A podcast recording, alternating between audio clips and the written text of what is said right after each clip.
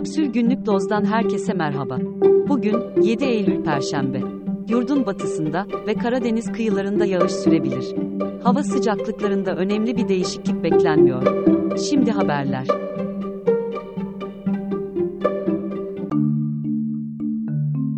Trakya ve İstanbul'u etkisi altına alan sağanak yağış, sele neden oldu. İstanbul, Başakşehir ve Küçükçekmece'de 2 kişi hayatını kaybetti, 12 kişi yaralandı.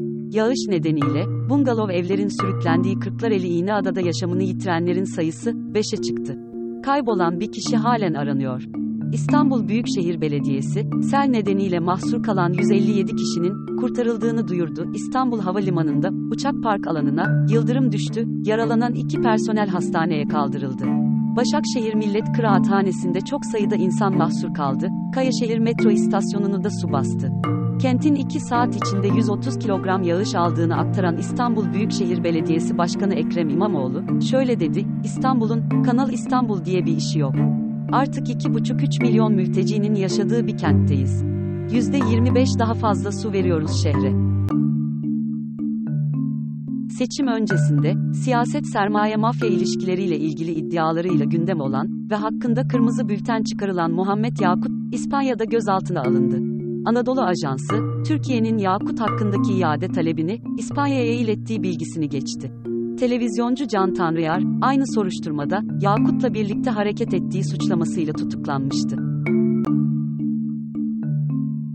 Cumhurbaşkanı Erdoğan, Madımak katliamının asli faillerinden Hayrettin Gül'ün kalan cezasını hastalık gerekçesiyle kaldırdı. İltica başvurusunun kabul edildiği Almanya'dan, kendisi için Türkiye'de çıkan idam kararının ardından 2003 yılında sınır dışı edilen Gül, o tarihten bu yana cezaevindeydi.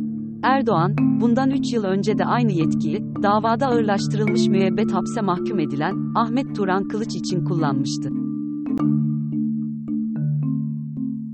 Yerel seçime ilişkin, partisinin stratejisini paylaşan İyi Parti lideri Meral Akşener, İstanbul ve Ankara dahil tüm illerde aday göstereceklerini söyledi.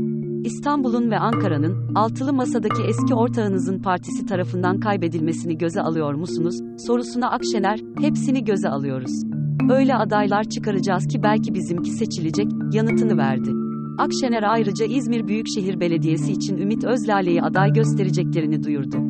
Akşener, ittifaksız senaryonun başarısız olması durumunda, tüm sorumluluğu üzerine aldığını belirterek, biz bu partiyi CHP'nin adaylarını seçtirmek için kurmadık, dedi.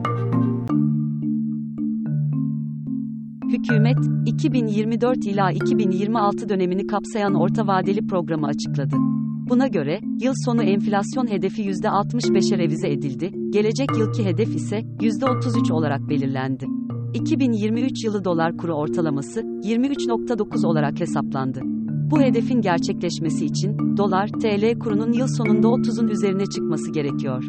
Programa göre dolar TL kuru ortalaması 2024'te tahmini 36.8, 2025'te 43.9, 2026'da ise 47.8 lira olacak.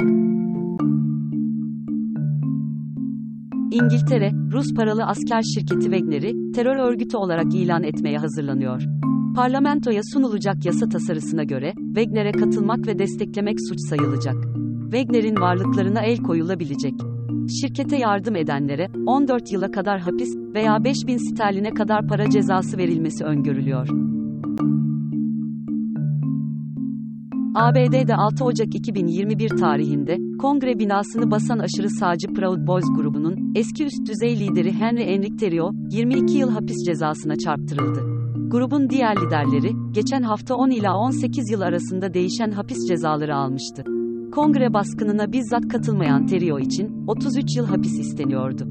Şu ana kadar baskınla ilgili yargılanan 1100 kişiden 600'ü ceza aldı. Daha fazlası için kapsül.com.tr adresini ziyaret edebilirsiniz.